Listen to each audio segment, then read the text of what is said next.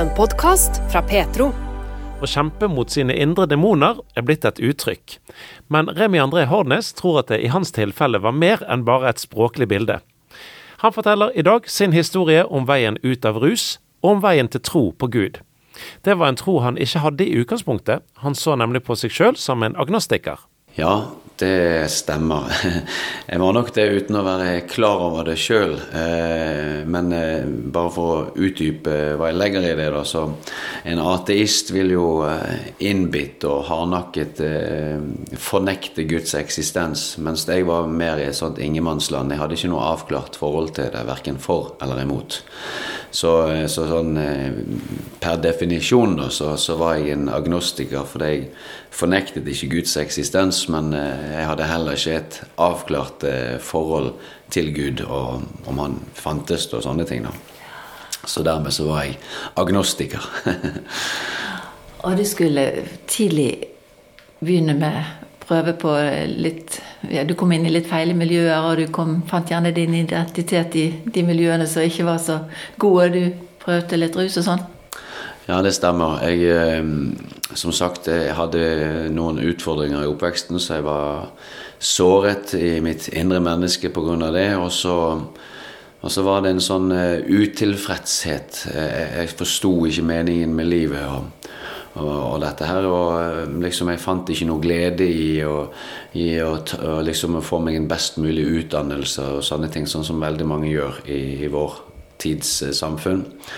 Så, så dermed så, så, flyktet jeg ut i et liv med, med, rus, og det førte jo til masse kriminalitet og ja, alle de negative effektene som en sånn livsstil har. Og så skulle du oppleve noen overdoser, og det gjorde vel gjerne en del med deg at du begynte å søke mer inn i det åndelige? Ja, det var sterkt medvirkende til at jeg eh, begynte å fatte et annet sinn, kan du si. Eh, ikke i første instans eh, slik at jeg begynte å søke Gud, men jeg, men, jeg, men jeg, kom i det som jeg vil kalle for en eksistensiell krise. Jeg, jeg, liksom, jeg begynte å bli redd for hva, hva, hva hadde skjedd med meg nå hvis jeg hadde dødd, eksempelvis ved disse overdosene. Og jeg begynte å fundere over liksom, hva er meningen med livet, og finnes det en gud, og eh, er det et liv etter døden, osv. Så, så jeg kom i en eksistensiell krise, og det, og det førte meg eh, på en, en, reise, eh, pleier jeg å si, hvor eh, jeg søkte etter en dypere mening, etter svar med ja, livets dypere spørsmål.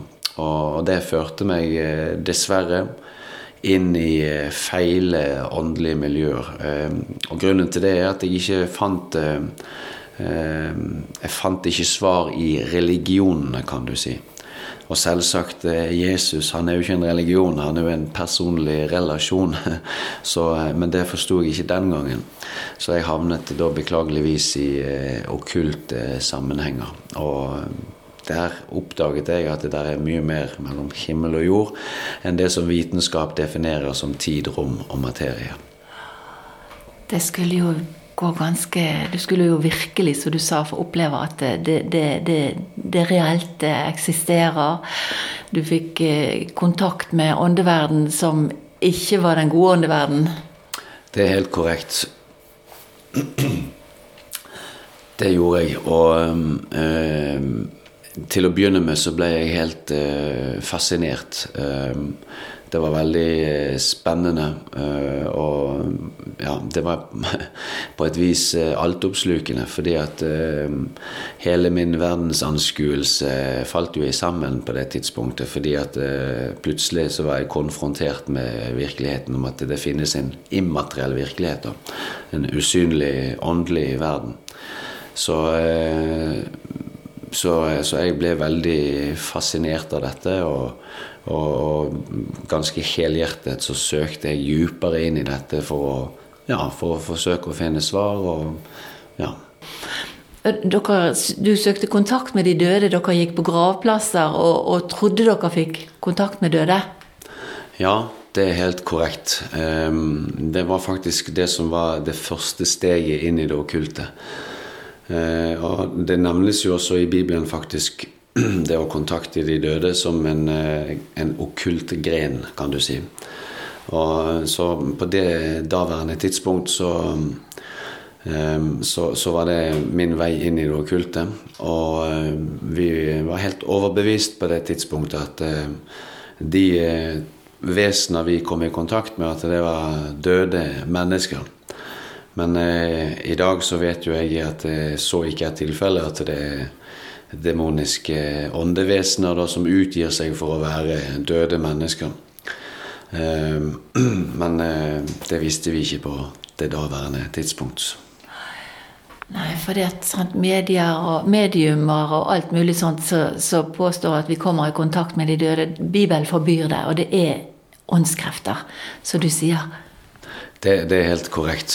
Og, og, det er jo som du også sier, at både mediumer og spåkoner og sånne ting, de hevder jo å komme i kontakt med våre elskede. Og det er jo en av hoveddørene inn til det okkulte for veldig mange i dag. Eh, så, og det var det slik for meg også. Eh, jeg var nok ikke ute etter å komme i kontakt med noen eh, av mine elskede, holdt på å si. Men, men vi trodde liksom at vi kom i kontakt med mennesker som hang igjen liksom mellom dette livet og det neste livet. Og derfor så søkte vi sånne ting på gravplasser. Vi, vi, vi, vi gikk til hus som vi antok at var hjemsøkte, og steder hvor eh, det var blitt begått mye urett og mye synd, f.eks. hospitser og sånne ting, så var det enkelt å komme i kontakt med, med, med åndeverden. Da. Og den gangen så trodde vi da at det var døde mennesker. Men det var bare en tid, så gikk det også opp for oss at uh, dette, her, uh, dette her må være noe helt annet. Og det gikk jo så langt òg at uh, ting både Altså forflyttet seg ting, og det var helt konkrete manifestasjoner dere så, du så? Ja, for etter hvert så ble jo det sånn at vi begynte jo å utøve mer okkulte disipliner. En form for spiritisme. Vi var i kontakt med um, noen som hevdet å være medium. Og det ble brukt pendler og sånne ting. Og eh, til en viss grad så, så utførte vi også eh, en type ritual, kan du si. Ikke med dyreofringer eller sånne ting, da, men eh, det var en form for et ritual for å liksom påkalle åndene. Og etter hvert som vi fortsatte med dette her, så ble jo disse manifestasjonene sterkere og sterkere. Og eh, på et tidspunkt så, så ble manifestasjonene såpass eh, skremmende at gjenstander eh, flyttet seg i rommet, og ja, ting ble flyttet på, og dører smalt opp og igjen. og Det var overnaturlige fenomener som ikke kunne forklares på en naturlig måte. Så åndeverden er virkelig reell, virkelig den mørke åndeverden?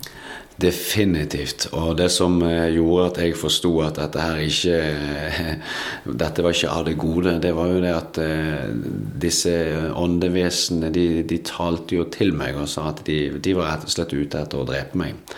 Og grunnen til det er jo, eh, forstår jo jeg i dag, fordi at Gud hadde et kall på mitt liv, og det ville jo den onde forhindre for alt i verden. Og i tillegg, når jeg begynte å få fysiske angrep på kroppen min, så skjønte jeg at uh, dette her er jo ikke av det gode.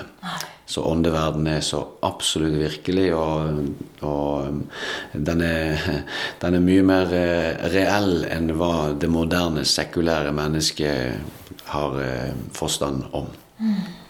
Så det var rett og slett djevelen, den onde, du var i kontakt med. Men du var vel ikke satanist, men du var direkte i kontakt med det allikevel? Ja, jeg var ikke en satanist i den forstand at jeg med forsett eh, tilba Satan som min gud. Men det er jo klart at eh, det blir jo en eh, Det er jo, det er jo okkultisme, det vi drev med. Da. Så selv om det var i uforstand, så var jo det uh, uforsettlig tilbedelse av djevelen. Uh, men, uh, men, men var, vi visste ikke at det var det vi drev med. Mm. Så Dessverre. Men, eh, men, eh, på mange måter så eh, ser jeg Guds herlighet oppi det også. fordi at i dag så har det vært med på å gi meg en utrustning i møte med andre mennesker Så, så, jeg kan benytte liksom det som jeg har vært igjennom selv, for å kunne hjelpe andre mennesker til frihet. For det er aldeles ikke bare i Afrika man finner sånne ting, at de opplever åndeverden, eller i andre deler av verden. Det er reelt her i Norge òg. Like reelt. Det er det. Så absolutt. Det er bare det at det ter seg på litt forskjellige vis. Det er mer sånn eh, åpenbart, mer eh, synlig kanskje, hvis du, du kommer til et land som Afrika eh, eller Asia eller Sør-Amerika. For det, det er en del av kulturen med, med, ja, med trolldom og, og, ulike former for avgudsdyrkelse. Eh, mens her så er det mer skjult, men det er fortsatt like mye til stede. Og det forkler seg i veldig mye sånne akseptable varianter som veldig mye New Age-spiritualitet, altså gjennom yoga, gjennom meditasjon. Eh, ja, eh, forkler det seg i vårt samfunn i dag. De kan komme som lysets engler. Akkurat som lysets engler. Men allikevel så har det et eh, mørkt opphav. Mm. Og eh, du, eh, du eh, kom inn i dette her gjennom òg et TV-program, forstår jeg? At du så på noe på TV som Da skjedde det noe med deg? Ja, faktisk så Det var noe som het Ghost Hunters. Eller Ghost Adventures. Det var, det, det var et program som var laget eh, hvor en gruppe mennesker med forskjellig teknologisk utstyr drev og eh, ettersøkte, hjemsøkte plasser. Hvor de da gikk inn med forskjellig utstyr for å prøve å fange overnaturlig aktivitet. Og til en viss grad så vil jeg påstå at de lyktes med det. Eh, og det var liksom det som i første omgang fanget min interesse. Som gjorde at vi egentlig begynte med, med noe av det samme. Altså Vi begynte å søke da kontakt med de døde, hjemsøkte steder. Så, så, det skal ikke mer enn det til før eh, djevelen kan fange et menneskets oppmerksomhet. Og etter hvert så dette her ble da verre og verre og kraftigere og kraftigere manifestasjoner, så ble du vel redd. Du ble mer og mer redd, sant? Det var det jeg gjorde. Eh, og spesielt når det kom til det punktet at eh, ting ble flyttet på eh, veldig sånn dramatisk og sånt i rommet vi var i. Og at det var fysiske angrep på min egen kropp og sånt. Så, så begynte det å gå opp for meg at dette her, dette her er jo ikke bra. Dette her vil jo meg ikke godt. Dette her er jo onde, destruktive krefter. Og i så måte da, så, så, så, gikk det bare opp for meg en dag at uh, dette, jeg må ha kommet i kontakt med djevelen sjøl. Jeg vet jo i dag i, i et retrospektivt lys at det, det, har jeg ikke kommet frem til i meg sjøl. Det, det, det, var jo, denne Hellige Ånd på det tidspunktet som begynte begynt å dra på meg. For samtidig så forsto jeg at hvis djevelen er virkelig, så, så, må Jesus også være virkelig. Så, eh, så, ja, så det var denne Hellige Ånd som begynte begynt å arbeide i mitt liv midt i dette dype mørket som jeg eh, befant meg i. Så tanken kom altså at det måtte finnes en gud hvis det I og med at du hadde opplevd at djevel fantes. Så du kom på en måte inn bakveien, kan du si? Ja, eh, ja, det kan du si. Men det er veldig interessant, for det, det er veldig mange mennesker som finner Gud på den måten. Altså eh, ved at de først ble eksponert for eh, ondskapen i, i, i, verden, og ja, for den andre siden, kan du si. Og, og så bruker Gud det for å føre mennesker til seg. Eh, og jeg ser jo også at veldig mange mennesker får en ballast eller en utrustning gjennom det de har gjennomlevd, sånn at Gud kan bruke vedkommende senere til sin egen ære og til velsignelse for sitt, eh, sin menighet, sitt legeme, og for eh, den øvrige verden. Da. Men så etter hvert så bestemte du deg for å bøye kne ved sengen din? Var det den veien, den måten det skjedde på, og du begynte å be? Ja, altså i denne eh, perioden hvor eh, jeg fikk en bevissthet om at eh, dette her som jeg er i kontakt med, det vil meg ikke godt, og, og kanskje er Jesus virkelig Eller jeg hadde nok en intellektuell overbevisning om det. Da, da begynte jeg faktisk å Jeg bodde jo dessverre på et hospits den gangen. Og da begynte jeg å bøye mine kne, og jeg husker at jeg hadde fått fatt på en bibel, og jeg hadde leitet meg frem i Bibelen til eh, bønnen som Jesus lærte sine disipler å be, Fader vår. Så jeg ba Fader vår eh, regelmessig, og i tillegg så ba jeg at eh, Gud, hvis du finnes, så, så må du åpenbare deg for meg. Og et ganske umiddelbart eh, svar på disse bønnene, det var jo det at eh, etter hvert så dukket det faktisk eh, kristne mennesker opp i, i rusmiljøet som drev oppsøkende evangeliserende arbeid. Og de vitnet jo for meg om at Jesus hadde dødd for meg på korset, og at ikke det fantes noen ting som ikke han kunne sette meg i, i frihet ifra. Og, og dette fattet jo min interesse veldig. Etter at Remi André hadde begynt å søke mer etter Gud, så opplevde han flere helt spesielle hendelser i Bergen sentrum. Da var jeg på Festplassen i Bergen. Jeg var med en eh, venninne fra den gangen. Og dette var sent på kvelden. Klokken var kanskje 11-12, så det var mørkt. Og mm, så å si ikke et eneste menneske ute. Og vi sto der og diskuterte. Og så plutselig så er det en eh, person som jeg oppdager at eh, beskuer oss fra avstand. Og når jeg husker at når jeg snudde meg og så han, så registrerte jeg at han var eh, mørkhudet. Han var meget autoritær, og han hadde blikket festet utelukkende på meg. Og det husker jeg at det, det gjorde inntrykk på meg. at han liksom, Det var som om han ikke han enset hun venninnen min, men han, bare, han så bare meg, da. Eh, og etter en stund så kommer han bort og med blikket kun festet på meg, og så sier han til meg på engelsk Son, you are in great danger. Repent and come home. Og det betyr sønn, du er i stor fare.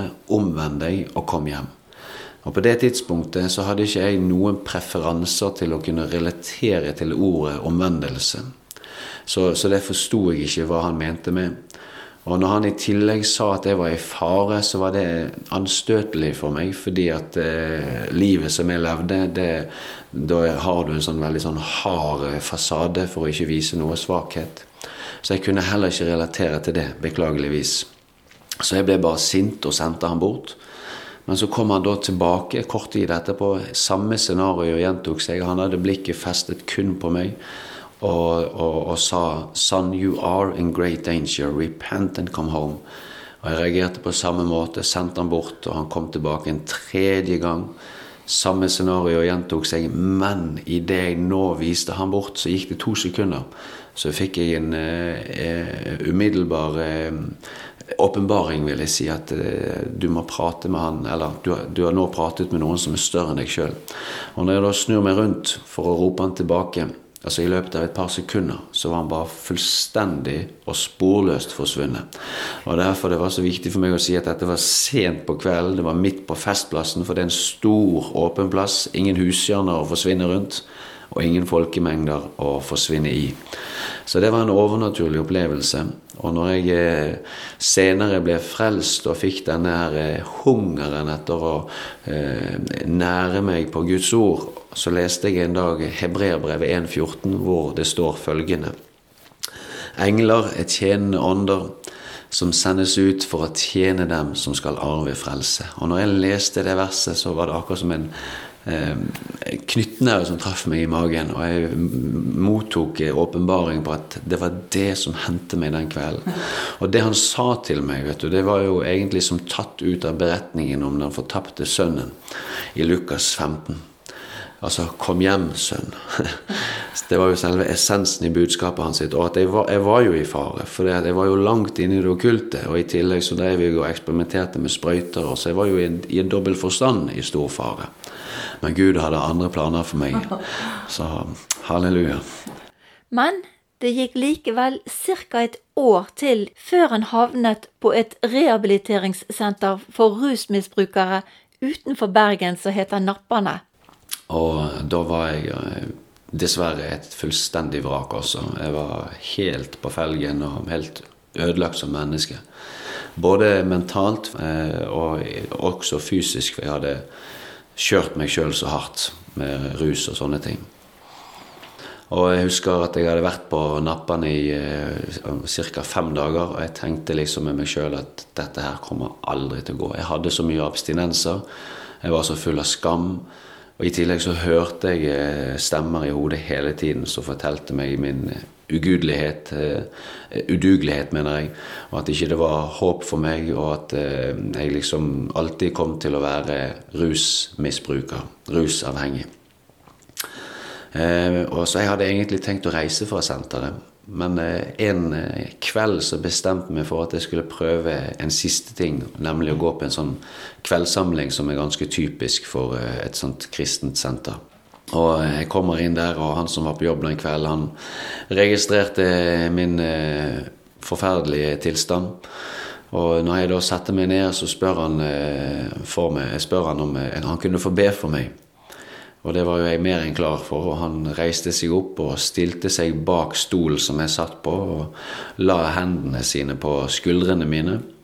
Og begynte først å be for meg eh, på sitt morsmål.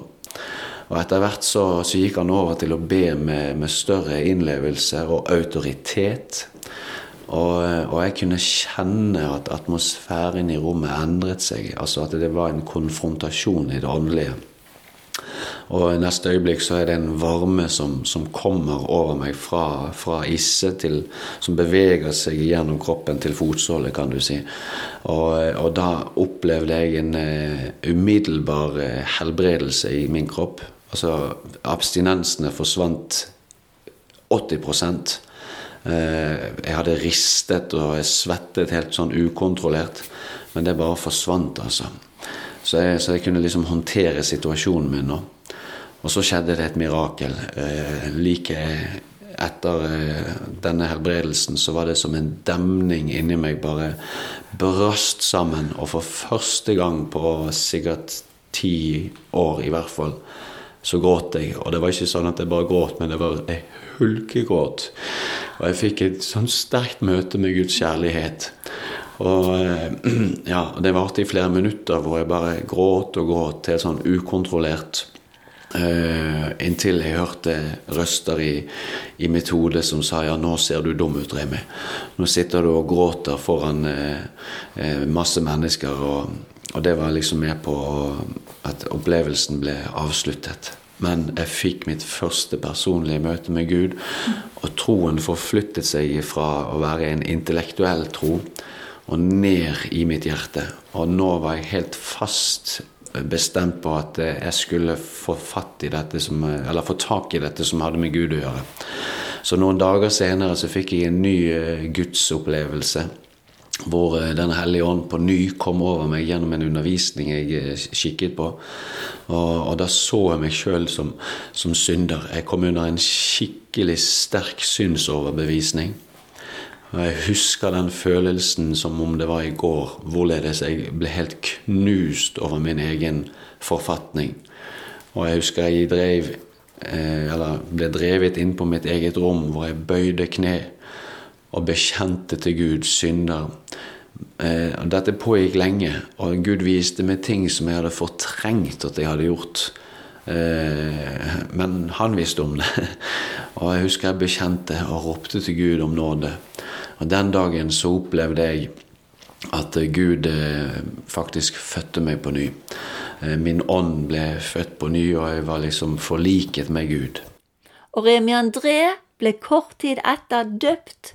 Han ble satt helt fri fra rus og all rustrang og alle de onde kreftene som hadde styrt livet hans i mange, mange år.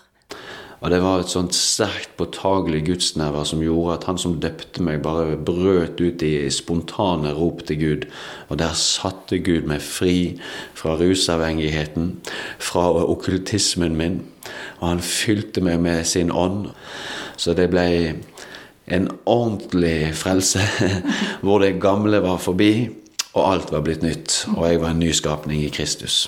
Ja, nå reiser jeg over store deler av Norge og også i utland.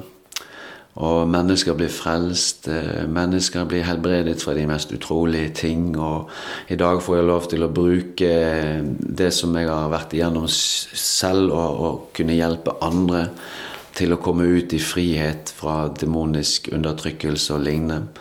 Og vi ser utrolig mye god frukt. Og jeg er så takknemlig til Gud for at han kunne ta mitt eh, tragiske liv og, og, og, legge meg i hans dreieskive. Og forme meg til et, eh, et kar som, eh, som, eh, som, bærer hans herlighet. Hvor jeg kan få lov til å bety noe for andre mennesker. Så det er bare nåde over nåde. Og det er så fantastisk å se hva, hva Gud gjør. Så ja, så det er all ære til han. Du har lyttet til en podkast fra Petro. Har du tips, spørsmål eller kommentarer, kan du sende dem til post at petro.no. Du kan også enkelt kontakte oss gjennom Petro-appen.